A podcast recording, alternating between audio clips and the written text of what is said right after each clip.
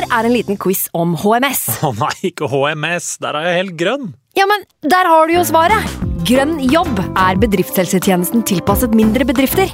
Våre HMS-eksperter hjelper mer enn 8000 bedrifter over hele Norge med alt fra lovpålagte HMS-krav til pålegg fra Arbeidstilsynet. Få på plass bedriftshelsetjeneste på grønnjobb.no. Hallo? Jeg kommer fra Oslo politikammer. Ine Jansen er purk. Er du purk? The motherfucking bitch. Alt jeg vil, er å finne ut hva som skjedde med mannen min. Jon Carew. Er jeg sikta for noe? Iben Akeli. Det er du. Ole So, Lars Berrum og Big Daddy Karsten. Hvem sin side er du på, egentlig? Anette Hoff, Tone Danielsen, Kommer du fra Afrika? Jørnis Josef, Nesten. Kløfta. Trond Espen Seim, Det er synd å si det, men det var feil mann som døde. Purk. Premiere tirsdag på TV2 Play.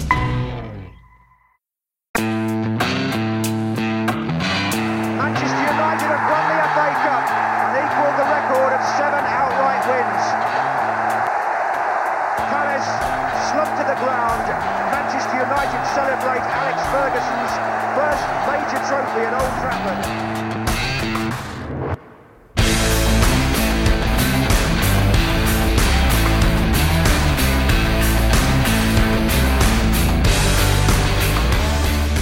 Endelig lyktes han altså 17. mai 1990, drøye tre og et halvt år etter at han tok over som Manchester United-manager, så vinner sir Alex Ferguson omsider sitt første trofé som United-manager.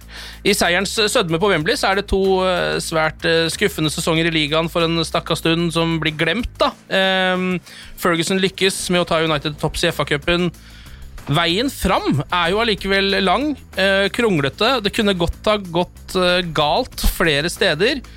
I stedet så blir jo dette her da eh, starten på en epoke i Manchester United som mangler sidestykke, altså i engelsk fotball. Dette her er historien om hva som skjedde bak kulissene på veien fram til Alex Fergusons aller første trofé med Manchester United. Velkommen til United We Podcast eh, spesial. Jeg heter Ken Senus Nilsen. Jeg har med meg Bjarte Valen. Hallo, Bjarte. Hei, hei, Ken. Eivind Brennovd Holt er også med oss. Hallo, Eivind. Hallo, vi fikk en episode til. Ja! Spesial nummer to. eh, Forrige spesial, som du kan gå inn og høre på der hvor du finner dine podkaster, den handler om Luke Shaw. eh, En lang episode om eh, bare vår kjære venstrebekk. I dag skal det også handle om sir Alex Fergusons aller første trofé. Det er det vi skal snakke om i dag. Starten på en fantastisk æra for alle Manchester United-supportere, Bjarte. Absolutt. Eh, og når vi ser tilbake igjen på betydningen av det trofeet, og ikke minst den sommeren som ledet opp til det trofeet, sommeren 1989, så er jeg helt sikker på at dette er den viktigste sommeren i Manchester Uniteds moderne historie. Enkelt og greit. Og det er et tall her faktisk som man skal bite seg merke i. Eh, 9 555 883. Kanskje ikke det letteste tallet å huske på, men prøv eh, å bite deg litt eh, merke i det. så Det skal vi komme tilbake til seinere, hvorfor dette her er eh, viktig. Først en liten tidsreise, kanskje, tilbake i tid. Det er vel 31 år vi skal tilbake. Sommeren eh, 1989. Kanskje For noen de, eh, føles det kanskje ikke så lenge siden, men altså, eh, la oss bare sette eh, historien på plass. Sovjetunionen eksisterer. Berlinmuren står enn så lenge relativt uh, støtt. Det vitenskapsmannen, engelske vitenskapsmannen Timothy Berners-Lee finner opp internettet. Uh, Dalai Lama vinner Nobels fredspris. På kino kan du se Rain Man. Hvis du slår på radioen, så hører du sannsynligvis Roxette eller Milli Vanilli eller Madonna eller New Kids On The Block. Eh, og så er det jo I England så er det jo Hillsborough-tragedien som fortsatt preger eh, nyhetsbildet, eh, idet Manchester United går en helt spesiell sommer i møte. Ja, det er her det tallet du var innom eh, står sentralt, eh, Ken. 9 555 883 pund, selvfølgelig. Ja. Og det her er jo før uh, min tid, for så vidt. Jeg vet ikke hvor gammel du var i 1989, Ken, men jeg var ett år. Mm. Så min rolle i dag blir jo litt å ta Ta den som uh, ung medgangssupporter og egentlig stille de dumme spørsmåla. ja. Så er det Bjarte som, uh, som får dra lasset, som var noen år eldre. Jo, takk for det. Men uh, jo, nei, vi, eh, vi snakker selvfølgelig om, eh, om uh, pund, og vi snakker penger. Uh, 9,5 millioner, det var Manchester United sin omsetning etter 1988-89-sesongen.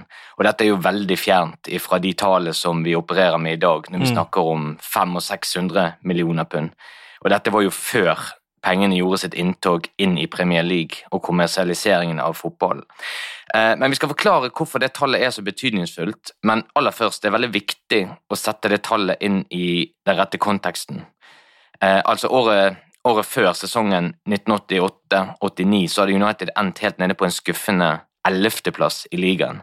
Og sir Alex Ferguson han var under press, det er det ingen tvil om. Han hadde, han hadde jo utrettet store ting med Aberdeen i Skottland. Han hadde vunnet ligaen, han hadde vunnet FA-cupen, han hadde vunnet ligaen, og ikke minst cupvinnercupen mot Real Madrid i Göteborg i 1983.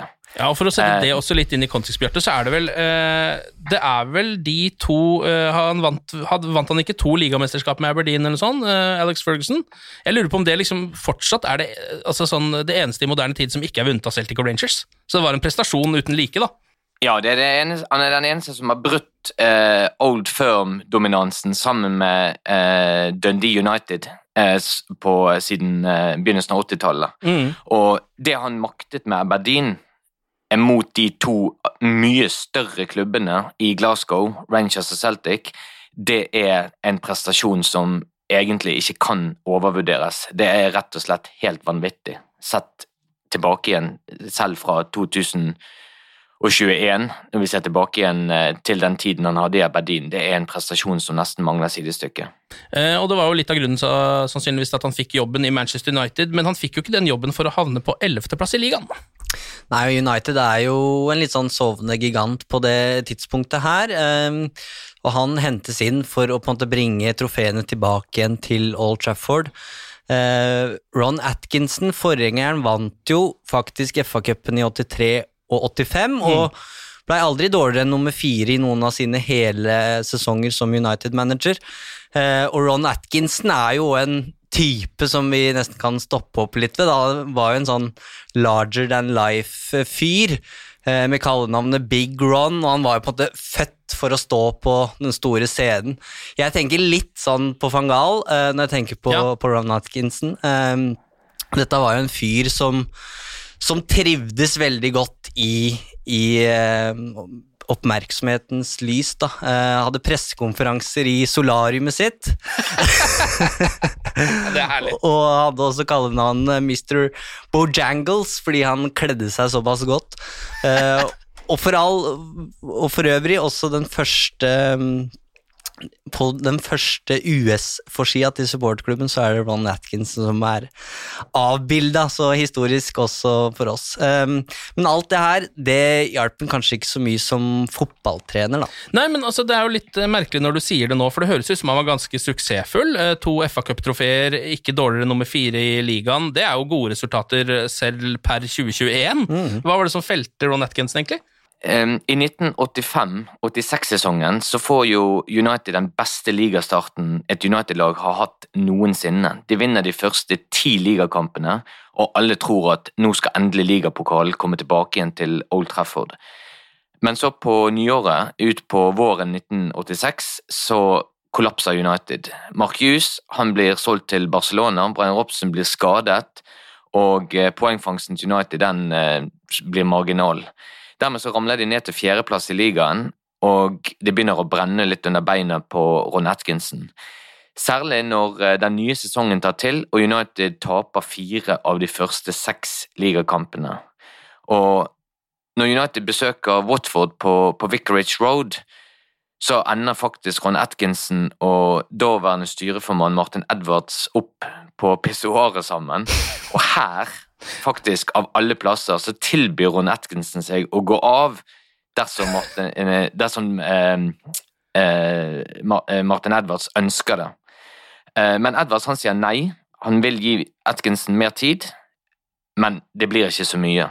Det er jo ofte der de eh, ærligste samtalene mellom menn foregår, er jo når begge står og pisser. Eh, selvfølgelig, men, men hva er det som hva ender opp med å, å skje, da? Ja, det som skjer konkret, det er den, den datoen 6. november 1986 den er ganske betydningsfull, fordi at det er to store hendelser som preger nyhetsbildet i Storbritannia, og særlig Skottland, den datoen. Eh, de aller fleste journalistene i Skottland de ble satt til å dekke en helikopterkatastrofe på Shetland, eh, der et Chinook-helikopter styrta like utenfor flyplassen Sundburg på, eh, på Shetland. The Shetland helicopter disaster. The search for clues continues. Further 11 were found overnight and this morning. They've been flown to Sambra Airport for identification. Av de 46 som er om bord, 43 passasjerer og da en besetning på, på tre, så er det kun to som overlever. Og det er til dags dato den verste helikopterulykken i Storbritannia som er knyttet til, til offshoresektoren. Mm. Og de eneste journalistene som faktisk fikk unntak fra å dekke helikopterstyrten, det var sportsjournalistene.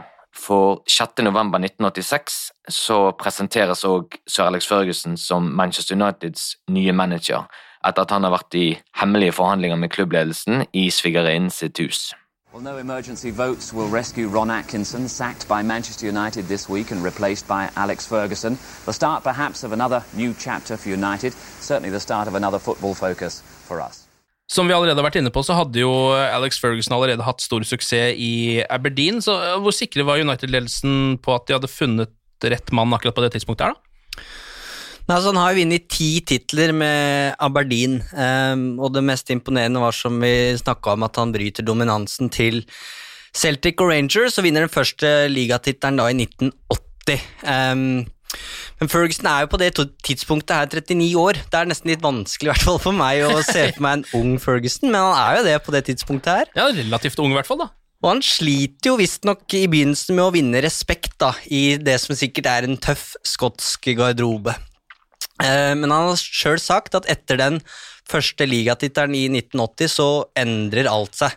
Og Ferguson er jo på det tidspunktet her så er han en streng jævel. Altså Han gir bot til en av spillerne sine fordi han kjører forbi Ferguson på veien. Altså en, for, en forbikjøring.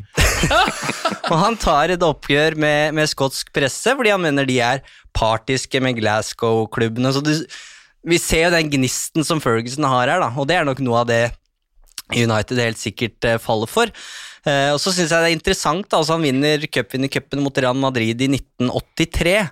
Um, og uh, i dag så ville jo han blitt plukka opp mye tidligere. Han er jo i Aberdeen i åtte år. Mens vinner du en europacup i dag altså Vi husker Mourinho med Porto som ender i Chelsea, vi husker Villas Boas eh, som gikk samme veien noen år seinere. Så hadde, hadde Aberdeen vunnet en cupvinnercup i dag, for å si det på den måten, så hadde nok United vært ute etter han eh, tidligere. Og det er, jo, det er, jo, litt morsomt, det viser jo litt hvordan fotball har utviklet seg, og ikke minst statusen til Alex Ferguson òg. Eh, jeg var til stede på hans aller siste kamp eh, som United-manager i 2013, når et samlet Old Trafford hyllet han. Det var, eh, det var rørende rett og slett å se på i striregnet på Old Trafford. Og jeg tenkte tilbake igjen på når Ferguson vant sin aller første ligatittel med Aberdeen. Da hadde de eh, vunnet tittelen på Easter Road. Det er Hibernians bane i Edinburgh. Og etter at kampen var ferdig, så uh, spurte spikeren på stadion om Alex Førgesen hadde lyst til å si noe til Aberdeen-fansen som hadde reist ned for å se kampen. Og Alex Førgesen han tar mikrofonen, takker fansen for støtten og sier at uh, hvis det er noen som har lyst til å komme hjem til meg i kveld, så uh, er det åpent hus og fest. det er bra. Og det er faktisk to Aberdeen-fans som ringer på dørklokken til Alex Førgesen like over midnatt. Og vet du hva Førgesen gjør? Han åpner døren, han har fått kampen på teip, og han sitter seg ned sammen med de to supporterne og ser hele kampen på nytt, og serverer de først, førsteklasses whisky. Ikke verst. det, er, det er faktisk min drømmekveld. Altså, jeg hadde ikke giddet å sette en Aberdeen-kamp, kanskje, hvis det hadde vært en United-kamp, så det høres helt fantastisk ut. Det, det, er litt, eh, det, er litt, interessant å se på òg, fordi at Aberdeen på dette tidspunktet her, selv om det er en mye mindre klubb enn Manchester United og en mindre klubb enn Rangers og Celtic, så er det likevel en ganske stor klubb. Ferguson hadde fått eh, henvendelser fra andre klubber i England, men han anså ikke de til å ha det samme eh, potensialet som Aberdeen, og derfor så ønsket han ikke å dra. Men når Manchester United ringer, så er det noe som skjer oppi hodet hans. Men var det noen alternativer for Ferguson eh, hvis han da skulle forlate Aberdeen? Var det United som var førstevalget? Det, det var som nevnt andre klubber i England som hadde hatt følerne ute. Eh, Deriblant Tottenham skal ha vist klar interesse for Ferguson.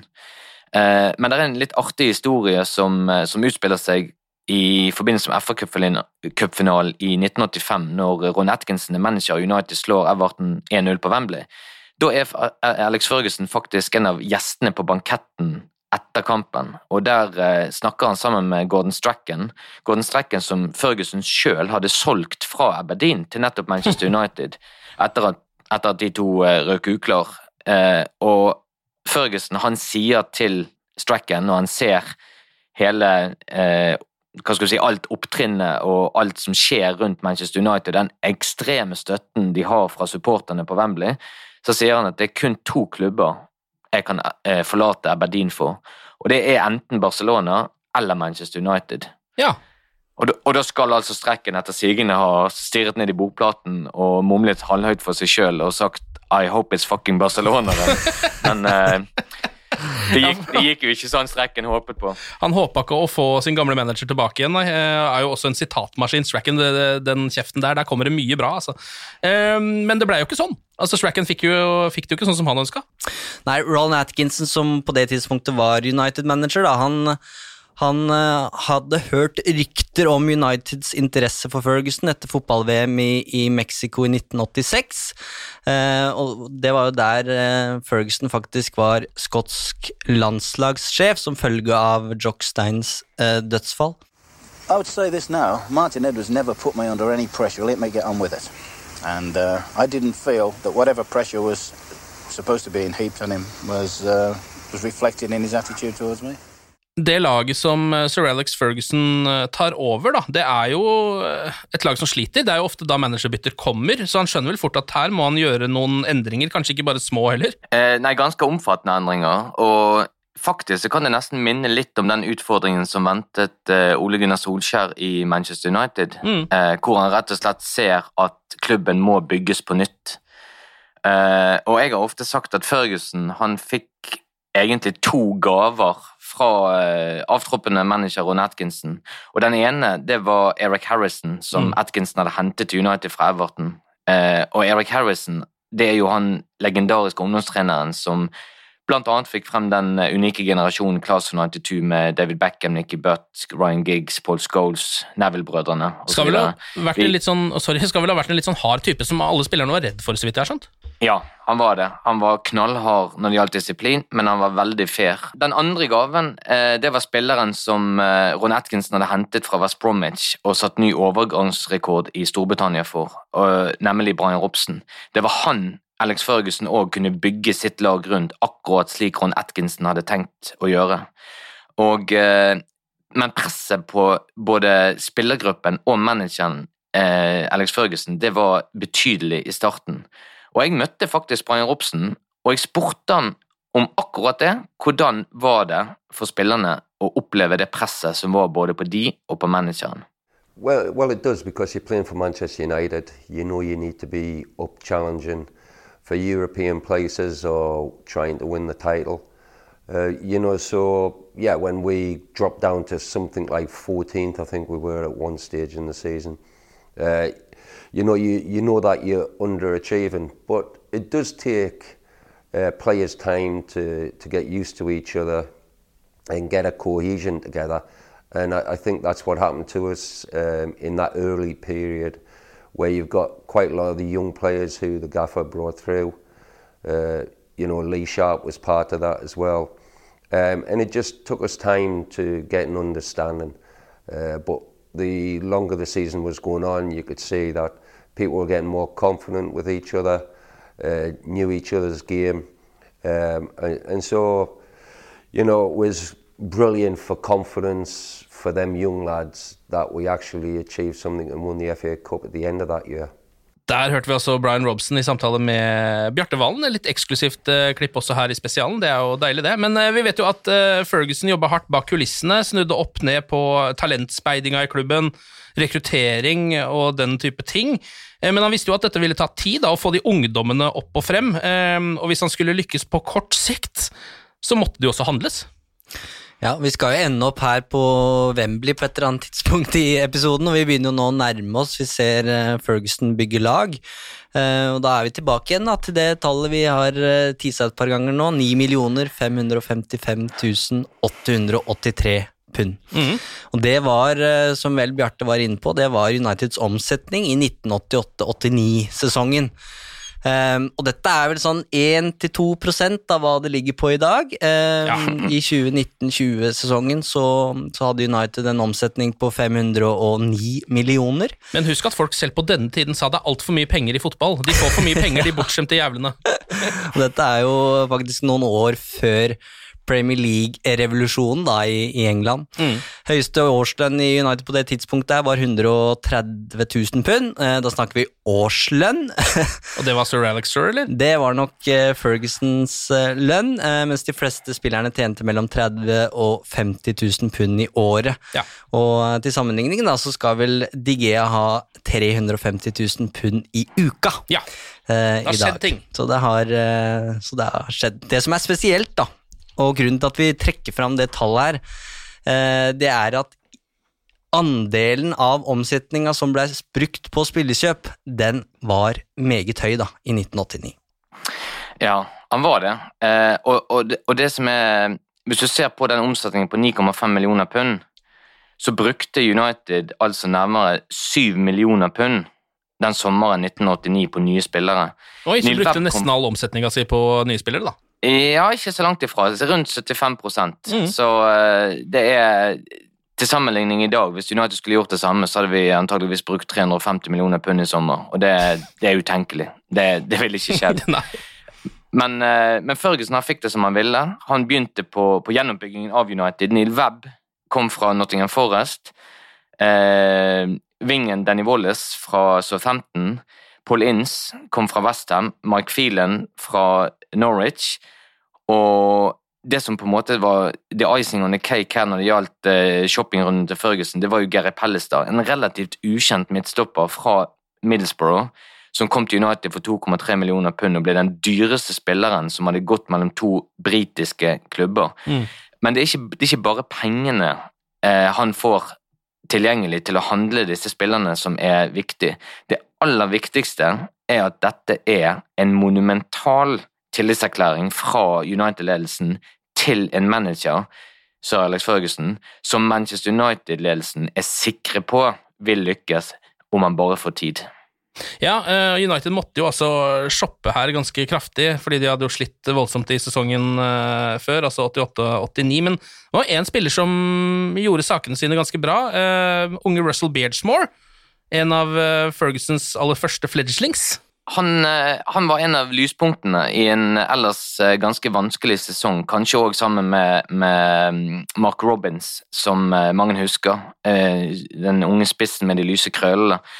Jeg møtte Russell Beardsmore nede i Bournemouth her for en del år siden, og han fortalte meg på bakgrunn av den eh, 88-89-sesongen hvor han på en måte fikk sitt gjennombrudd i United, at han var ganske sikker på at han kom til å få mange sjanser den påfølgende sesongen, og at han sto nå foran en, en stor karriere i United.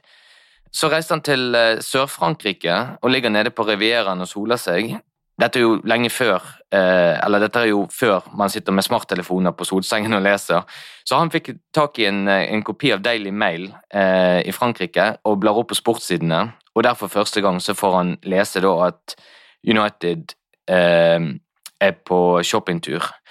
Og du, du kan godt si at solen den, den skinte på, eh, på den franske rivieraen, men for, for Russell Bersmo så må jo det ha skyet eh, ganske kraftig over når han ser at det er fire nye midtbanespillere på vei inn for å konkurrere med han. Ja, Du snakka om i stad, Bjart, at uh, hvis vi hadde brukt et tilsvarende tall i dag, da, altså at Solskjær skulle brukt like stor del av omsetninga på spillekjøp, så er vi oppe i 380 millioner pund på én sommer. Og da er det jo bare å lage et regnestykke, da. Eh, 150 millioner for Erling Braut Haaland, 100 millioner for Jaden Sancho, eh, 70 millioner for Jack Grealish og 50 millioner for Rafael Varane. Ja. Det høres ut som en sånn football manager-vindu. Men sånn i historisk perspektiv så var det jo på en måte det de gjorde, da. Eh, akkurat på dette tidspunktet her. Nye spillere inn, en fornya optimisme eh, på bakgrunn av det igjen. Og United tar fatt på sesongen. Eh, starten kunne vel knapt vært bedre, Bjarte? Nei, det kunne han ikke. Eh, det er sikkert mange som har lest den eh, fantastiske boken til Nick Hornby, eh, Fever Pitch, Mm. der han beskriver hvordan Arsenal vinner ligaen mot Liverpool i absolutt siste sekund på, på Anfield. Eh, og Noen måneder senere, når eh, sesongen starter i 89-90, så er det akkurat ligamester Arsenal som kommer på besøk til Old Trafford i ligaåpningen.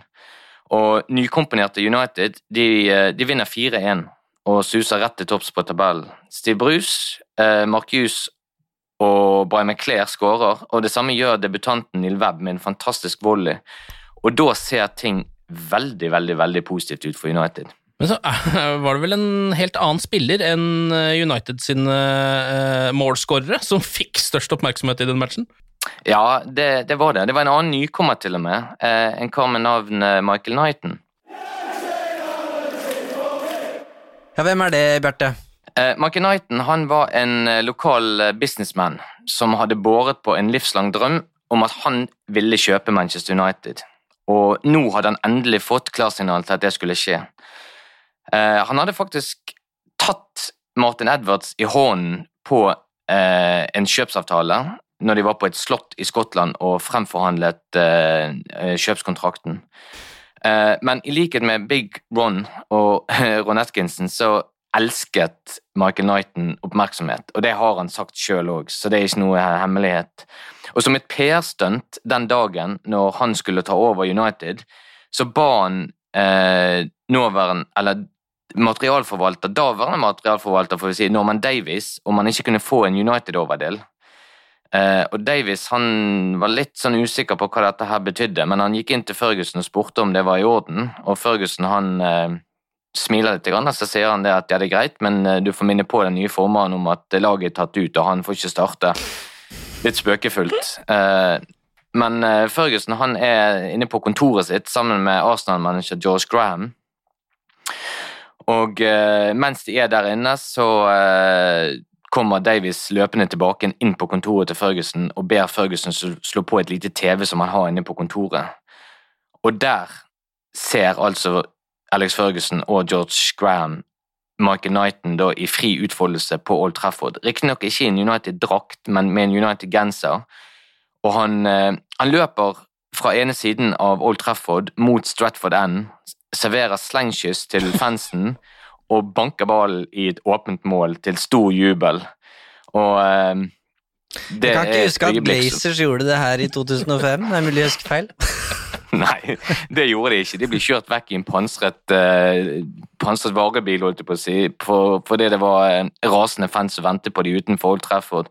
Så det var en, det var en litt forskjellig eh, tilnærming. Men uh, likheten mellom Michael Knighton og The Glaciers er faktisk mye større enn vi, eh, vi skal, eh, vi, mange tror. Men det skal vi komme tilbake til litt seinere. Men hvordan reagerer eh, sir Alex, da, som sitter og ser dette her på den bitte lille TV-en sin inne på kontoret? Nei, du kan jo eh, kanskje sjøl tenke deg han, han får jo antageligvis både te og mm, antageligvis ikke whisky før kampen, men han får det meste han sikkert har drukket opp i halsen og skjønner jo knapt det han ser. Han blir rett og slett forferdet, eh, og det har han sjøl beskrevet i sin biografi. Eh, han, han tror knapt det han ser. Det han, han, han oppfatter Knighton som en, som en klovn, rett og slett. Og eh, Josh Graham han eh, humrer for seg sjøl, sier 'er ikke livet herlig', og så går han ut ifra kontoret til Ferguson. Eh, men så jeg hører det jo også med til historien at vi vet at Michael Knighton han overtok aldri Manchester United sånn som planen var, og det finnes to ulike versjoner av den historien. Det er Den ene historien er jo den som har fått fotfeste på folkemunne, eh, nemlig den at eh, Michael Knighton hadde ikke pengene som skulle til for å, for å innfri kjøpekontrakten med Martin Edwards. Eh, men for å få den andre versjonen av historien, så er det jo kun én mann som kan fortelle det, og det er Michael Knighton sjøl. Og eh, jeg snakket med han for en eh, tid tilbake og spurte om han kunne ta oss med tilbake igjen til den eh, dagen der han løp ut foran et fullsatt eh, Old Trafford og skårte på forhåndsrett for den, og hvordan han husket det. Og han sa det at eh, det var noe han hadde drømt om å gjøre siden han var en liten gutt. Eh, og det som var hans versjon av historien, det var det at han ble lovet en plass i United-styret. Og så lenge han fikk en plass i United-styret, så kunne han komme med sine klare anbefalinger og råd til United-ledelsen på hvordan United kunne tjene mer penger på en kommersialisering av fotballklubben. Og hvis han fikk viljen sin gjennom på den måten, så var det ikke behov for han å kjøpe Manchester United. For det han ønsket mer enn noen ting annet, det var at United skulle bli en business og ikke bare en fotballklubb. Ok, Vi snakker fortsatt om sir Alex Fergusons eh, første trofé som Manchester United-manager. Vi har kommet eh, til eh, starten av sesongen. Et oppkjøp som ikke blir noe av. Ehm, og Hvordan var da det sportslige, altså det som foregikk på banen for Manchester United? Optimismen var jo stor etter en sommer med mye handling. Og det begynner jo også så bra med 4-1-seier mot regjerende mester Arsenal. Bruce, Hughes, Webb og McLear Du finner vel ikke noe mer eh, 80-tallsnavn eh, i United enn en det der. Um, og det snakkes jo faktisk om her at dette kan være sesongen der United vinner ligaen igjen. Um, men så vinner de bare én av de neste sju, um, og verst i den rekka er et 1-5-tap mot uh, City på Main Road. Og det er et tap som Ferguson seinere skal beskrive som sitt verste. Altså, han reiser bare hjem, eh, drar hu, eh, dyna over huet og, og, legger seg til å sove. eh, og i oktober så ligger de helt nede på 17.-plass. Det, det, er faktisk noe med den, eh, den, sesongen der som veldig mange glemmer, og det er faktisk hvor nære United var å rykke ned. Tro det eller ei. Eh, og selv med alle disse nye, dyre spillerne som var hentet inn, som vi har snakket om, så, så ligger United bare fire-fem poeng over nedrykksstreken så sent som i april. Og nå begynner mishagsytringene for alvor å, å, komme i retning Alex Førgesen. Eh, og da United taper 2-1 hjemme for uh, Crystal Palace i desember den sesongen, så kommer dette berømte banneret eh, som vi sikkert har sett, 'Three years of excuses and we are still crap'. Tara Fergie. Ja. Det kommer frem. Og uh, synderen, han som laget dette banneret her hjemme i garasjen sin med et svært hvitt laken med, med, svart maling, eh, Pete Molyneux, han skrev senere en bok om dette opptrinnet og livet sitt som United-fans, og hvor negativ han var til Ferguson. Og eh, På bakgrunn av den boken da, så reiste jeg opp til Manchester og traff han og intervjuet han om dette. og Han sa det at jeg må jo bare innrømme i dag, jeg må holde hendene opp og si at jeg tok så grundig feil. Jeg hadde ikke peiling på hva jeg sa. Og jeg kan bare gjøre én ting, og det er å be uforbeholdent om unnskyldning til Alex Førgussen for det øyeblikket som Førgussen sjøl har beskrevet som et av de verste i hans karriere som United-manager. For når det banneret kom ut, så ble det faktisk mottatt med applaus. Ja, men har uh, Ferguson tilgitt uh, Molyneux, da? Ja, og Dette her er jo litt artig med en, en side av Ferguson. Mange ville jo trodd at det som skjedde gjerne for 30 år siden, det er glemt. Det, mm. det, det er vann i elven og alt dette her. Men nei da. Ferguson han har kommet seg som en elefant. For det at når denne boken kom ut, så reiste faktisk eh, Pete Molyneux hjem til Alex Ferguson for å levere den boken egenhendig til han og be om unnskyldning. Da var ikke Ferguson hjemme, men eh, gartneren hans han var der. Og Molyneux overrakte boken til han og ba han sende den videre til Alex Ferguson. Og så visste ikke Pete Molyneux hva som skjedde i mange år, før Alex Ferguson lanserer sin andre biografi rett etter at han har gått av som United-manager. Og Der omtales den episoden i den boken, og han sier det at når han fikk den boken i hendene, så skrev han noen hva skal du si, jeg vet ikke om vi skal bruke uttrykket velvalgte ord, men han skriver i hvert fall en ganske klar melding til forlaget, sender boken i retur, og sa at det aldri i livet var aktuelt for han å sitte og ruge på den boken som minte om den situasjonen i desember 1989.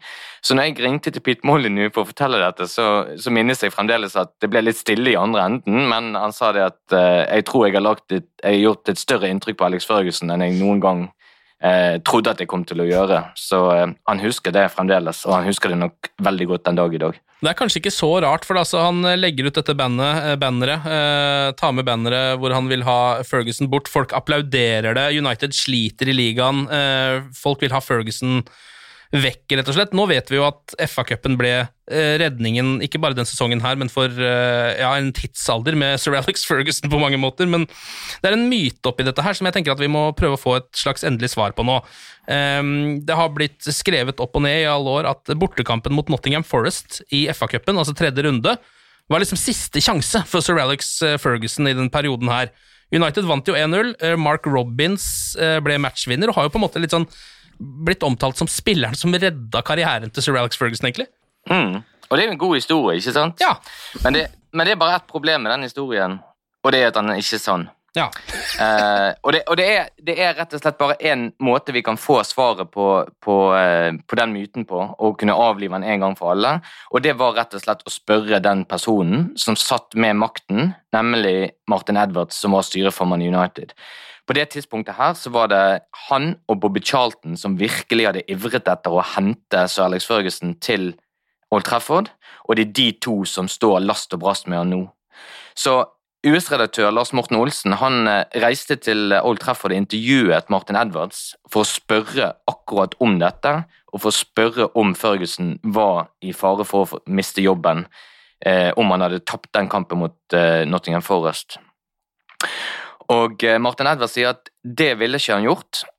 Han eh, forklarte også at United hadde ingen plan B, det var ingen erstatter som var linet opp. Og ledelsen de var helt sikre på at det arbeidet som Ferguson hadde gjort, ikke minst bak kulissene med, med eh, ungdomsarbeid og akademiet, det kom til å bære frukter. Garantert. Eh, men det er en annen historie som har fått veldig liten oppmerksomhet i ettertid, og det er det som skjedde i runden etterpå, når Manchester United faktisk møter bitte lille Harryford i fjerde runde i FA-cupen. For et tap der, det kunne virkelig blitt skjebnesvangert for Ferguson. Nottingham Forest det var et av de største lagene i England på dette tidspunktet, her, mens Harryford de sleit tungt i bunnen av fjerdedivisjonen, det vi i dag kjenner som League 2. Uh, United de spilte to kamper i ligaen mellom oppgjøret mot Nottingham Forest og oppgjøret mot Harriford, og de tapte begge kampene. Og nå brenner det litt under beina på Ferguson. Selv om ledelsen har tillit til han, så er supporterne generelt sett ganske misfornøyd. Men Harriford de viser null respekt for eh, Uniteds storebror, og kampen den ligger lenge og vipper på 0-0. Og så skjer det noe helt spesielt. Et lite stykke ut i andre omgang så hører plutselig alle på Edgar Street, Harryfords hjemmebane, de hører lyden av en fløyte, og alle er sikre på at det er dommeren som har blåst. Og alle stopper opp. Gary Pellestad lar ballen passere forbi seg, og United-spillerne de, de, de blir helt passive. Men en som ikke stopper opp, det er faktisk Harryford-spissen Colin Robinson. Well, there was a whistle came from the crowd then, and Og han får plutselig en helt eventyrlig mulighet alene med Jim Leighton. Men heldigvis for United så er Jim Leighton med på notene, og han redder er faktisk en strålende redning på den første avslutningen fra Robinson. Det kommer en retur, og Leighton tar faktisk den òg. Og det er en redning som er undervurdert i Uniteds historie, for det er en klasseredning. Og før vi går videre, så må jeg bare stille dere et lite spørsmål, eh, Eivind og Ken. Det er en liten quiz, da. Ja. Eh, og det er Vet dere hvem som er den eneste spilleren som var med på startoppstillingen i Alex Ferguson sin aller første kamp som United-manager, som òg var med å vinne den første ligatittelen under skotten? Jeg kan si såpass at eh, jeg vet svaret, og eh, det gjør Clayton Blackmore òg. Men, eh, men, men, men, jeg måtte faktisk minne ham på det. Han var ikke klar over det sjøl før jeg sa det til han. Han huskes jo kanskje for oss United-supportere best for uh, altså kampen mot Barcelona, cupvinnercupfinalen i 1991, som var den kampen som gjorde at jeg ble Manchester United-supporter, eh, faktisk. Der har han en klarering på streken. Mm. Uh, men han ja, burde kanskje blitt huska for noe annet også, da. Ja, jeg, jeg syns faktisk det, fordi at uh, når vi snakket om den kampen, og jeg møtte Clayton Blackmore i, i Bristol av alle plasser, så så sa han det at et tap for Harriford der, det hadde vært ekstremt pinlig for Manchester United. Eh, han fortalte om den kampen, her, hvor vanskelig det var. Det var en humpete bane. Eh, det var sånn som FA-cupen var i gamle dager. For Hereford så var jo dette i realiteten en cupfinale. Tenk om de hadde slått ut Manchester United. Det hadde vært en kamp det hadde vært snakket om den dag i dag. Eh, og som han sier, tenk om ikke Jim hadde reddet oss der. Mm. Tenk om vi hadde tapt den kampen. Hadde Ferguson kunne overlevd med et cuptap i FA-cupen mot et lag fra nivå fire? Eh, det er umulig å ha det endelige svaret på det, bortsett fra at vi må støtte oss til det som Martin Edwards sier. De hadde ingen annen erstatter linet opp for Ferguson, og de var sikre på at de kom til å beholde han. Men du kan tenke deg det presset som hadde vært både på United-ledelsen og på Ferguson om de hadde røket ut av FA-cup mot Hereford. Det hadde vært ekstremt. Det ville jo vært litt som MK Dons under van Gaal, bare at den kampen hadde kommet til slutten av nederlenderens karriere. Mm. Den husker vi jo fortsatt. Det har jo blitt en sånn eh, ikonisk eh, match med negativt eh, fortegn.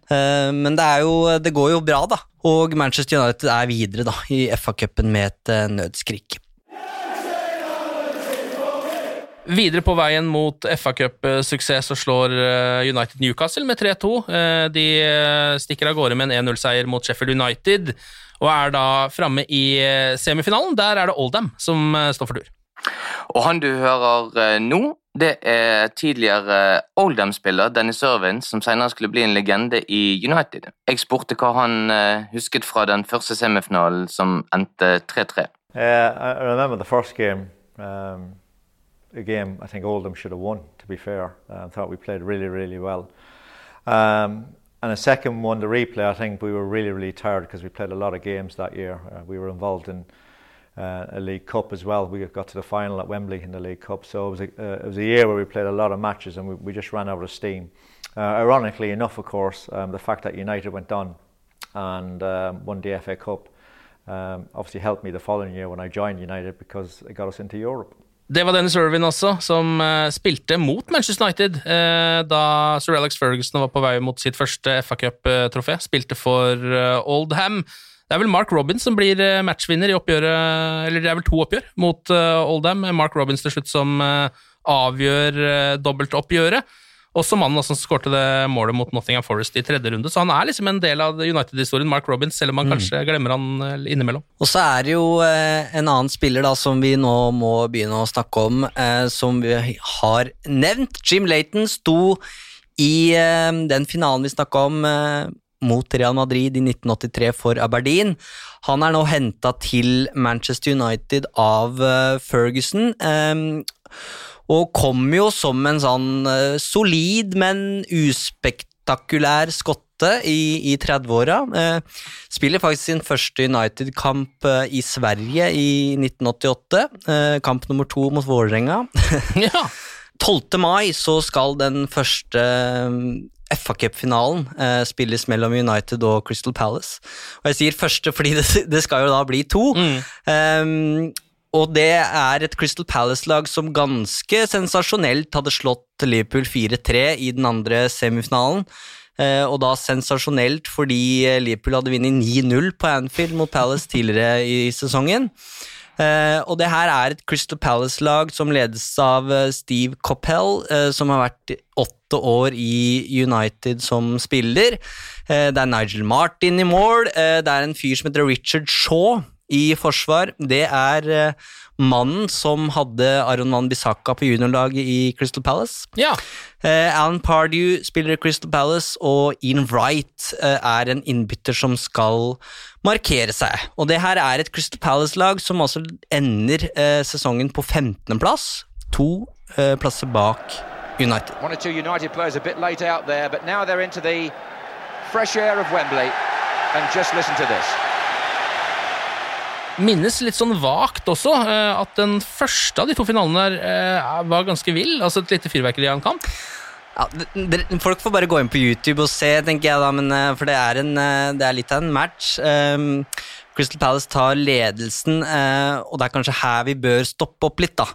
For da går nevnte Jim Layton ut i uh, duellen til Gary Pallister, uh, og på et eller annet vis så ender ballen i mål. Thorne O'Reilly's in there. And was it over the line? And it's a goal. Eh, United snur kampen med Robson og Hughes til 2-1, eh, før Ian Wright eh, kommer inn. Lurer Pallister på rumpa og utligner til 2-2. Eh, og så legger Wright på til 3-2, eh, og det også kan vel sies å være en liten keepertabbe av Leighton som er på halvdistanse på et innlegg. Og da er vi også inne i, i ekstraomgangene her. Eh, og så er det Mark Hughes som eh, sikrer 3-3. Hughes goes through the middle, chance here for 3-3. Mark Hughes! Eh, og da blir det jo omkamp. Eh, det er jo det som er litt eh, spesielt her, at det blir en finale til, som vi ikke er så vant til i dag.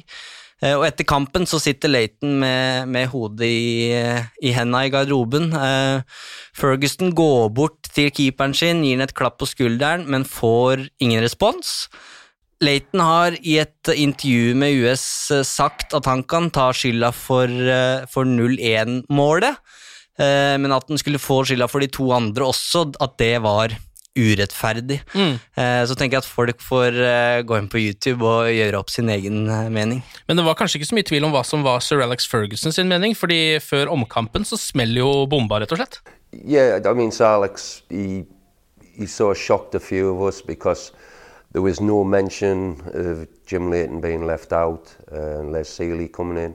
But, uh, you know, it, it's a real difficult decision for a manager to make um, a change like that, you know, especially in a cup final. But, um, you know, Jim had let three in, three in in the first game, and I think a, a few people blame for a couple of the goals. Uh, we didn't actually see it coming, but uh, the boss made his decision. And Og det Brian Robson her snakker om, det er jo selvsagt en av de mest kontroversielle avgjørelsene Alex Ferguson noen gang gjør. Eh, men i, i Fergusons hode så hadde det nå begynt å danne seg en tanke. Han måtte ta et valg, følte han, som han visste kom til å bli kontroversielt, men som han likevel følte var riktig. Eh, Ferguson hadde hentet Lasili på lån fra Luton fordi United hadde skadeproblemer på keeperplassen. Og nå hadde Ferguson lyst til å bruke Sealy i omkampen.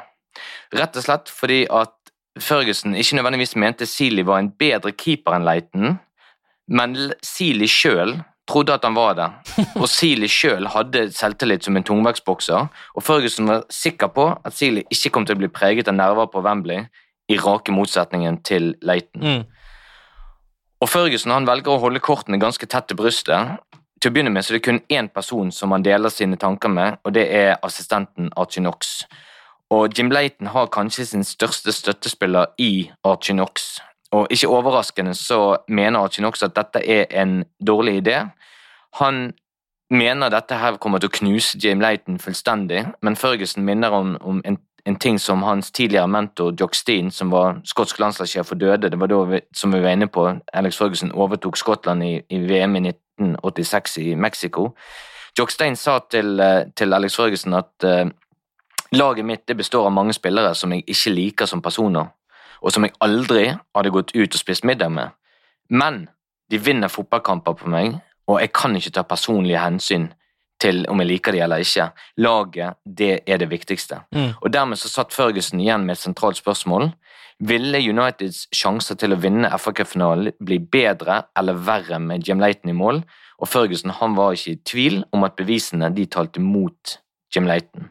Og den andre personen da som får vite om Fergusons avgjørelse, det er Jim Leighton sjøl. Eh, Ferguson han tar han til side før middagen dagen før kampen og forklarer hvorfor han kommer til å bytte keeper. Og Ikke overraskende og ganske riktig som Archie Knox påpekte, Leighton han tar avgjørelsen ille opp. Veldig ille opp. Eh, så deler Ferguson laget med resten av troppen, og alle er overrasket. Og Brian McClair han fortalte til meg i Edinburgh, at han visste at dette kom til å bli et ekstremt hardt slag for eh, Jim Leighton, og de to delte rom, eh, men han lot Jim Leighton få en liten stund for seg sjøl på rommet før han gikk opp for å se hvordan det gikk med, med kameraten. Og det synet som han møter han da når han kommer inn på hotellrommet, det er rett og slett et syn av Jim Leighton som sitter borte i ene hjørnet på hotellrommet og, og, og gråter som et, et lite barn. Han, han var helt fullstendig knust, og eh, den opplevelsen, sa Brian McClair, den, den var i ferd med å knuse han fullstendig. Det her er jo eh, der sir Alex Ferguson eh, var den beste i bransjen, da, det å ta store avgjørelser. Det var jo noe han var Han var ikke redd for å gjøre det, og traff jo veldig ofte også, må man jo si. Ja, han gjorde det. Og det er en ting som jeg nesten alltid spør tidligere United-spillere som spilte under Ferguson om. Det er det samme spørsmålet alle får, og det er hva var det som gjorde Ferguson så unik? Og det interessante det er at jeg veldig ofte får ulike svar fra ulike spillere. Eh, men jeg tror den som svarte sporenstreks uten å tenke seg om i det hele tatt eh, på det spørsmålet, det var Brian McClair. Og han sa det at uten tvil Ferguson sin beste egenskap som manager, det var at han aldri var redd for å ta store avgjørelser. Han sa her var Ferguson unik. Så sa han han traff ikke på alle, men han traff på de aller fleste. Og det å vrake Jim Leighton til denne omkampen, det var en sånn avgjørelse, og kanskje den aller første Førgussen tok. Og så syns jeg det er viktig å huske på her, da, fordi det, at vi stopper opp ved det keeperbyttet her, det handler jo litt om at den omkampen her, det, det er så spesielt. Det er ikke som en, eh, sånn, en Champions League-kvartfinale som vi kjenner i dag, med hjemmekamp og bortkamp. Alle de 22 spillerne som starta den første kampen, fikk tillit i den andre, bortsett fra Jim Laton. Mm. Og at det er keeperen, det gjør det jo så ekstraordinært. Så alle vil jo følge med på Les Sealy i, i, den andre matchen. Og for å ta en litt Mm. sånn moderne referanse, da, og sette det veldig på spissen, men Tim Krohl, som kommer inn før straffesparkkonkurransen for van Gaal for å redde straffer. Det er litt den samme feelinga. Mm. Ja, men altså, hvordan påvirka det her forholdet mellom de to, da? Fordi Ferguson og Leighton uh, har jo ikke bare vært med på mye sammen, men de er begge skotter. De uh, kom begge fra Aberdeen til Manchester uh, og har jo vært med på masse sammen, liksom. Du eh, skulle jo tro at de på en måte var litt sånn bestekompiser som plutselig havner i en, eh, i en krangel, da. Ja, det ender ikke godt, eh, men det er et anstrengt forhold, faktisk, som går tilbake til Aberdeen-tida i 1983. Eh, Da slår Aberdeen Rangers i cupfinalen, eh, men eh, i et intervju som blir gjort ute på banen etter kampen, så økser Ferguson hele laget. Han sier vi er det heldigste laget i verden. Det var en skammelig forestilling. Og Leighton har i ettertid hevda at Ferguson sa at Laton var Rangers beste spiller den dagen. Den er vond. Um, og Ferguson skal altså ha nekta spillerne å, å drikke champagne i, uh, i garderoben, noe som vi skal høre etterpå at uh, har endra seg litt med åra. Uh, Ferguson skal ha beklaga seg dagen etterpå, men, men da var skaden skjedd.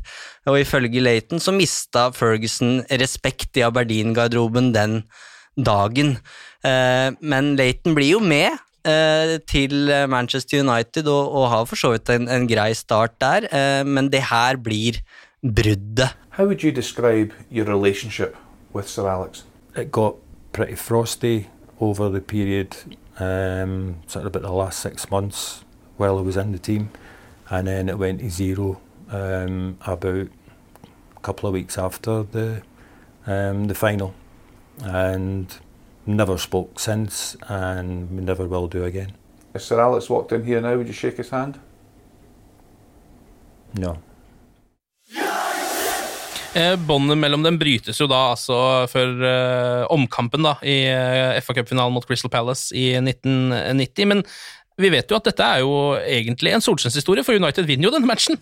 Kampen blir jo en solskinnshistorie, det vet vi jo. For United vinner eh, FA-cupfinalen 1-0, og dermed så vinner Alex Ferguson sitt aller første trofé. Og etter en lang og ganske kronglete sesong så kan United-spillerne slippe jubel løs. Eh, Det vil jo da si alle minus én, og det er jo da nevnte Jim Leighton. Og det å bli, det å bli vraket til eh, omkampen det var et så hardt slag for Jim Leighton at han faktisk valgte å takke nei til vinnermedaljen som han hadde krav på. Eh, han gikk rett i garderoben og eh, deltok ikke på festlighetene med United-spillerne ute på gresset. Eh, FA de sendte medaljen til Old Trafford, men Leighton han ba United om å sende den tilbake igjen til London. Og det til tross for at han hadde spilt hvert eneste minutt helt frem til omkampen. Men han takka jo ikke bare nei én gang? Han takka nei to ganger. Han gjorde det faktisk fordi at eh, mannen som kom inn og erstattet han, nemlig Lasili, han tilbød Leighton medaljen sin etter finalen. Det var jo en fantastisk gest egentlig av eh, Lasili. Men for Jim Leighton var det helt uaktuelt å takke ja til en medalje. Eh, og han fortalte jo til US om at hvordan han var helt tom i flere dager etter den finalen og felte mange tårer. Og det som skulle vært hans kanskje største dag i karrieren og i livet, det ble i stedet for det som kanskje definerte selve karrieren til Jim Leighton i Manchester United, og med negativt fortegn. Vi har jo brukt mye tid på eh, Jim Layton i dag, men vi må jo snakke litt om erstatteren hans. Altså mannen som eh, spilte omkampen i FA-cupfinalen uten å slippe inn mål, og sånn sett ble en slags helt. Hvem var han? Altså Les Sealy, den eksentriske keeperen som erstatta Layton? Nå, nå, eh, nå, vil jeg at du, Ken, og, og Eivind og alle de som lytter på denne podkasten, skal prøve å forestille seg en, en, en bilselger fra Øst-London. Eh, det, det som vi ofte refererer til, en wheeler dealer her borte i, i nabolaget mitt. Mm. Eh, og det er, det er, rett og slett en person som virkelig har det i kjeften. Eh, og han er en bilselger som gjerne klarer å selge deg en, en rustholk av en bil og overbevise deg gjennom at eh, selv om bilen har tre dekk, mangler støtfanger og knuste blinklys, så det er bagateller. Det er ingenting å bekymre seg over. Og så klarer han å selge bil til full markedspris. Så en fyr med voldsom selvtillit, da? Det er den selvtilliten Lasili hadde. Jeg sa tidligere at han hadde selvtillit som en tungvektsbokser, og det hadde han virkelig. Public character er vel et veldig vanlig uttrykk å bruke om sånne personligheter som Lasili. Eh, en brukbar keeper, for all del, men en keeper som antageligvis hadde selvtillit som overgikk kvaliteten hans. Det tror jeg er riktig å si.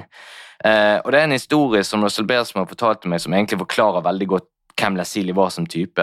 Uh, og det var, De delte rom før de skulle spille en bortekamp mot Sheffield United. Og, og Da hadde Russell Bersmo vært ute av hotellrommet en liten uh, gåtur og kommet tilbake igjen. Nærmer seg hotellkorridoren der rommet er, og så kjenner han da en veldig sånn eim av en sigarlukt og lurer på hva i alle dager er dette her for noe. Så åpner han døren, og der ser han da eh, Lasili et par timer før kampstart. Han sitter da i en morgenkåpe, røykende på en sigar og har en stor kopp te i den ene hånden. Og Det er da Russell Bersmo sier til han, det, det, er bare, det er bare et par timer til kampstart. Hva i alle dager er det du tenker på? Og Da ser jeg bare Lasili på med rolig mine, og så sier han det at jeg ser at du står mye nærmere vannkokeren enn det jeg gjør, så put the kettle on and fix me another brew. Det er hans reaksjon til det. Helt rolig, helt avbalansert. Uh, men men uh, Lasili var en, en familiemann òg, eh, ikke bare en, eh, en, en, type med litt sånn cocky attitude. Eh, jeg, jeg, var så heldig å snakke med sønnen hans, Joe Seeley, som også var en veldig lovende keeper. Eh, og Han fortalte meg det at etter den finaleseieren på Wembley, så eh, var det første Lasili gjorde, det var å, å, fortelle guttene hans at de skulle få lov til å ønske seg hva som helst i hele verden, og han skulle kjøpe det til dem. Og det de ønsket seg, det var vannpistoler. Enkelt og greit. Og da ble det sånn. Eh, på det tidspunktet her så bor faktisk eh, Lasili i Chingford, uh, bare noen hundre meter fra der som vi sitter og spiller inn denne podkasten her nå, mm. for, for, min del. og han kjøper vannpistoler til guttene, og han går gjennom hovedgaten i Chingford sammen med guttene. Folk kjenner han igjen, og folk stopper opp på fortauet og applauderer han når han går forbi. Så det er jo en ganske utrolig historie, egentlig, eh, på, på, hvilken type han var. Han var, en, eh, han var, en, type som sa nei til å delta i bryllup eller 50-årsdager simpelthen fordi han ønsket å tilbringe mest mulig tid sammen med guttene sine, og sendte ofte konen alene i sånne åremålsdager. Lesile sikret seg jo en eh, plass i Uniteds historiebøker, da, og ble jo faktisk også henta tilbake av Ferguson, som en av veldig få spillere som har blitt henta to ganger av Ferguson til United. Men så slutten på historien om uh, Lesili er jo dessverre tragisk, eh, Bjarte. Ja, han er det. Uh, Lesili han uh, ender opp i Westham, der han jobber som keepertrener. Uh, I tillegg til det så har han en del eiendomsprosjekter, bl.a. i Southend. Og han er og jobber på et av de husene en dag i august i 2001 når han føler seg uvel. han kjører til lokalsykehuset men på vei ut av bilen så kollapser han med hjerteinfarkt. Eh, helt uten forvarsel. Eh, er, legene skjønner ingenting om det eh, når de ser tilbake på det seinere, og de beskriver det bare som maksimal uflaks. One in a million, som de sier. Mm. Eh, og i august da, 2001 så, da, så dør faktisk eh, Lasili tragisk nok av, av hjerteinfarktet, og han var kun 43 år gammel når det skjer. Eh, og jeg, jeg, må innrømme at dette gjorde faktisk ganske sterkt inntrykk på meg å snakke med, med, med Joe Sønn om når han beskrev hvordan de kom til sykehuset i Southend og, og møtte legene som eh, kom ut, og han sa det at de trengte ikke si et eneste ord. Vi visste utfallet. Han, vi visste at, eh, at pappa var død. Vi er altså i FA Cup-finalen 1990. Sir Alex Ferguson skal hente sitt aller første trofé som Manchester United-manager. Vi har fokusert mye på keeperne til Manchester United i eh, både den første og andre finalen. Det ble jo en omkamp her, men vi har ikke snakka om mannen som faktisk avgjorde det hele og sørga for at eh, Sir Alex kunne reise sitt første trofé. Lee Martin, av alle. Lee Martin from left back, an inspired run on the far side. A chance here, and a goal!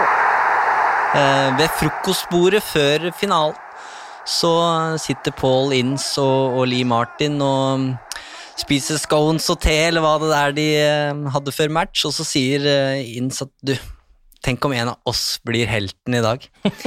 Eh, At det skulle bli Lee som, som avgjør den finalen, det hadde han aldri drømt om. Han skårer to mål i karrieren, og det her er ett av dem.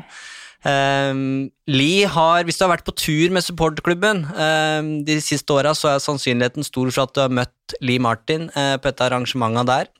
Han er en uh, utrolig fin fyr eh, som stiller opp, og elsker å fortelle om den scoringa, selvfølgelig. Han sier han blir aldri lei. Det er hans øyeblikk. Det skjønner jeg godt, han var back. Han var back og, og blir matchvinner i en FA Cup-finale, og så um, er på en måte um, karrieren over uh, etter det her, på en måte. Men for å ta det som skjer i matchen, så, um, så er det egentlig en tilfeldighet, den scoringa. Um, fordi um, han Lee Martin han uh, får en beskjed av assistenten Archie Knox som han tolker som at 'nå skal jeg dundre framover'. Men det skulle han slett ikke, sikkert. I garderoben så får han beskjed om at den, uh, den meldinga var ikke til deg. Lee's lived on the back of that for over the years. Great finish, but what I can remember about it is that when we actually went to celebrate with him, he just had no breath left. He was so excited about scoring the goal. I think it took him about 10 minutes before he'd recovered and got his breath back. Uh, you know, so great goal, really important goal. Um, you know, and like we said earlier, it was a, an important game for us to win, uh, to win that first competition under Sir Alex. Manchester United have won equalled the record of seven outright wins. Palace slumped to the ground. Manchester United celebrate Alex Ferguson's first major trophy at Old Trafford. Etter eh, festlighetene på, på Wembley så, eh, så skal United reise hjem igjen til, eh, til Manchester og ta toget fra Houston og til Manchester Piccadilly. Og uh, idet de går inn på, på toget, så, så viser jo både Brian Robson og Alex Ferguson ansvar. De bærer kasser med champagne inn på toget. Eh, Togkonduktøren han kommer bort til eh, Ferguson og sier eh, med klar melding This is a dry train. Altså, det betyr ingen alkohol om bord på toget. Ferguson og Robson de ser på han og svarer i kor No chance. og når, du har Alex Ferguson og Brian Robson sier det, så får de det så de vil. Så det ble absolutt ikke noe dry train i det hele tatt. Og da har også Ferguson eh, letta litt på prinsippene sine, da, om ingen champagne etter uh, store suksesser. Det gjorde den også i 99, ifølge Ole Gunnar Solskjær. Da drakk de jo bare trippel vodka etter Champions League-finalen. Er det det trippel vodka?! Det er rar måte å feire på. Sånn. Men for, mer eller mindre. for å oppsummere de to vi har snakka om litt her, da. Jim, eh, stakkars Jim Laton. Han spiller én kamp til for Manchester United, en ligacupkamp mot Halifax. Ja. Så lånes den ut til Arsenal og Reading og selges til slutt til Dundee. Eh, avslutter karrieren i Aberdeen. Ehm, og siste kamp i karrieren, det er en FA Cup-finale mot Rangers. Ehm, og stakkars Jim Laton må altså ut etter tre minutter med brukket kjeve. Oi, så cupfinaler, det var ikke hans greie. Det var eh, en trist eh, avslutning, rett og slett. Eh, når det gjelder Lee Martin, så var jo han 22 år på det tidspunktet han da blir matchvinner i en FA-cupfinale. Kåres til årets unge spiller i United, og alt tyder jo på at her er en back som skal sette sitt preg på, på førstelaget i mange år. Eh, Sånn går det ikke. Vi har snakka om Dennis Irwin, som spilte for Oldham. Eh, Han hentes inn og plasseres på høyrebekken. mens eh, Martin får problemer med ryggen etter hvert og, og erstattes av Clayton Blackmore og får ingen stor karriere etter det. Ok, så Sir Alex Ferguson sitter på toget og bælmer champagne. Eh, han har nettopp fått sitt første Manchester United-trofé. Mm. Det er eh, god stemning, for å være helt eh, ærlig på det. Men hvis vi skal oppsummere litt, da, jeg syns nesten det mest interessante spørsmålet er hvor nærme var han da egentlig å få sparken? Hvis ikke han hadde vunnet eh, dette trofeet, hvis ikke Lee Martin plutselig hadde skåret, hvis ikke Les Sealy plutselig hadde stått i mål og gjort det bra? Ja, Svaret igjen blir å støtte oss til det som Martin Edwards sa til oss. De hadde ingen annen plan klar. De hadde tro på Alex Ferguson og den kursen han hadde pekt ut, og de visste at det kom til å ta litt tid. Eh, jeg tror Martin Edwards er en eh, mann med ekstremt stor integritet. Alle jeg har snakket med i og rundt United, beskriver han som en dønn ærlig og skikkelig fyr. Eh, Jeg tror på han når han sier det. Jeg tror at Ferguson aldri var så nær med å få sparken som de mange rapporter har hva skal du si, foreslått. Mm. Eh, men jeg, jeg vil alltid, det vil for meg alltid være en sånn hva hvis dersom United hadde tapt mot Harriford i fjerde runde i cupen, Ja. et lag fra league, league 2 eller fjerdedivisjon, det hadde kunnet snudd eh, ting kanskje på hodet. Så det er egentlig en liten myte det der som vi kanskje kan slutte å trekke fram hver gang eh, Manchester United får seg en ny manager som gjør det dårlig i starten, så trenger vi ikke lenger å si Sir Alex Ferguson holdt også på å få sparken, for han var faktisk ikke så nære som man kanskje tror. Nei, jeg tror ikke det.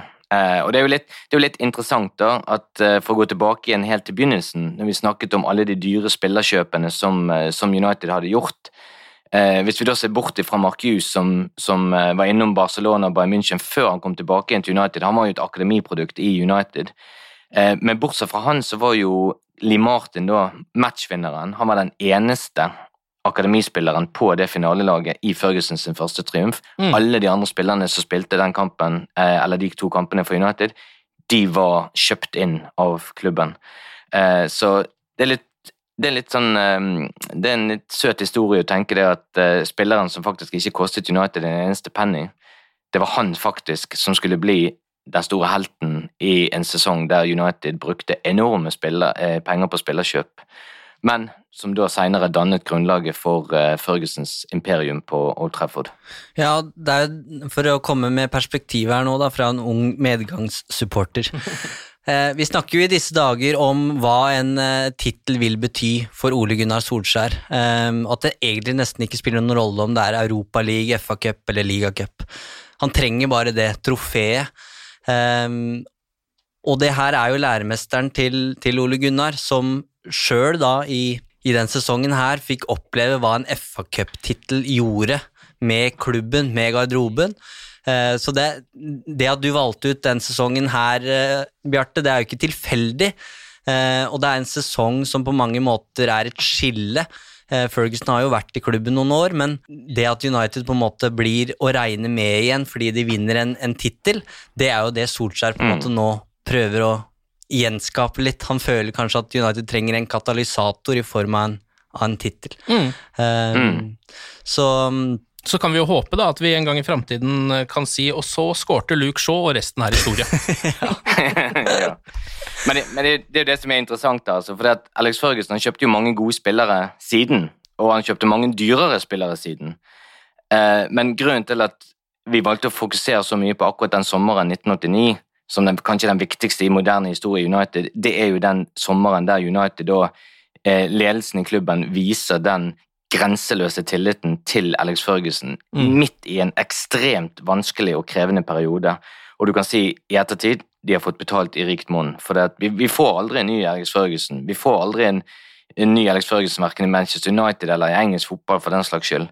Eh, og, og for de av oss som er blitt så gamle at vi var med på hele den reisen gjennom de vanskelige første årene til Ferguson, så har det for meg alltid vært fascinerende å gå tilbake igjen og se på starten, ikke minst betydningen av den aller første pokalen som Ferguson vant, eh, og det som da ble starten på den mest spektakulære perioden i Manchester Uniteds historie.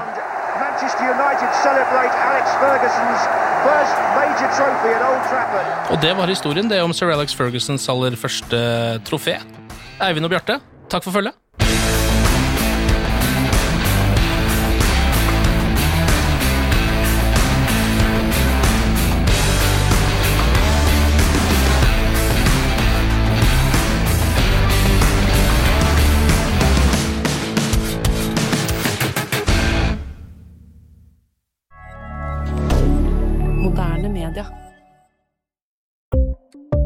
Ukens annonsør det er matkasseleverandøren Hello Fresh. Der kan du velge mellom 25 ulike oppskrifter hver uke, eller få Hello Fresh til å sette sammen en meny for deg.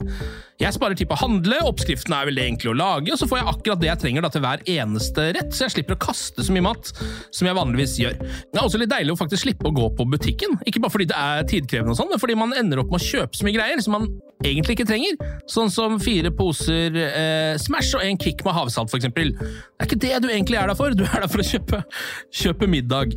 Så det er en veldig eh, kjekk ting. I tillegg så er det jo eh, ferdigporsjonerte ingredienser, det blir mindre matsvinn, og du betaler bare for det du faktisk trenger, og det du faktisk da spiser. I tillegg så blir det da levert på døra til et fastsatt tidspunkt, sånn at du kan få det akkurat når det passer for deg eh, sjæl. Hvis Hello Fresh høres ut som noe for deg, så har jeg en rabattkode du kan bruke også. Gå inn på hellofresh.no og bruk koden HelloUnited24. HelloUnited i ett ord, også 24, og få opptil 1779 kroner i rabatt på de fem første matkassene dine hvis du ikke har prøvd Hello Fresh ennå. Du kan også bruke koden hvis du tidligere har vært kunde, men har stoppa abonnementet ditt for tolv måneder siden eller mer. Det er ingen bindingstid, og du kan pause eller avslutte abonnementet ditt akkurat når du selv måtte ønske. Husk koden HelloUnited24, og bon appétit! Ukens annonsør er Folio, en smartere banktjeneste for deg som har en egen bedrift eller ønsker å starte for deg selv. Folio er en superenkel nettbank for bedrifter. Som kunde i Folio får du en bedriftskonto med et bedriftskort og app. I denne appen er det smarte løsninger som forenkler regnskapet ditt, uansett om du har en liten bedrift eller et enkeltpersonsforetak. Folio er både intuitivt og brukervennlig, og er laget med et enkelt språk. I tillegg tilbyr de forutsigbare priser og ingen skjulte gebyrer. Skulle du likevel trenge det, så kan du snakke med deres raske og hyggelige kundeservice, og der får du prate med en faktisk person og ikke en chatbot. Folio er med andre ord både enklere og koseligere enn banken. Over 10 000 bedrifter har allerede valgt Folio som sin banktjeneste, så besøk folio.no og se hvordan Folio kan forenkle din hverdag også. Har du et enkeltpersonforetak eller en liten bedrift?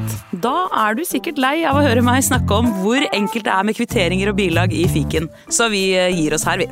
Fordi vi liker enkelt. Fiken superenkelt regnskap.